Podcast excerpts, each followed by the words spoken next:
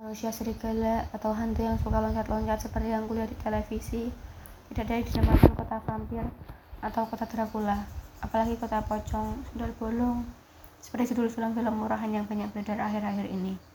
Bahkan buat nama sepotong jalan saja tidak ada yang mau. Namun kota ini dinamakan Pontianak.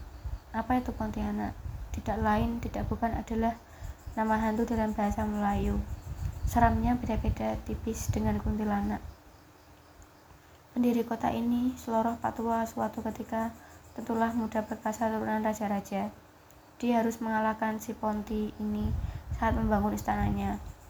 Menggidikan bulu Roma mendengar cerita lengkap Patua, apalagi dibumbui ibu-ibu hamil. Kengerian si Ponti menculik bayi malam penuh teror dan sebagainya. Nah, karena sang pemuda ini bukan saja sakti mandraguna, tapi juga elok perangainya, dia dengan senang hati memberikan nama kota dengan nama musuh besarnya itu Pontianak. Bahkan bukan namanya sendiri apalagi leluhurnya. Mana ada coba perangai terpuji itu. Jadilah kota indah kami bernama demikian.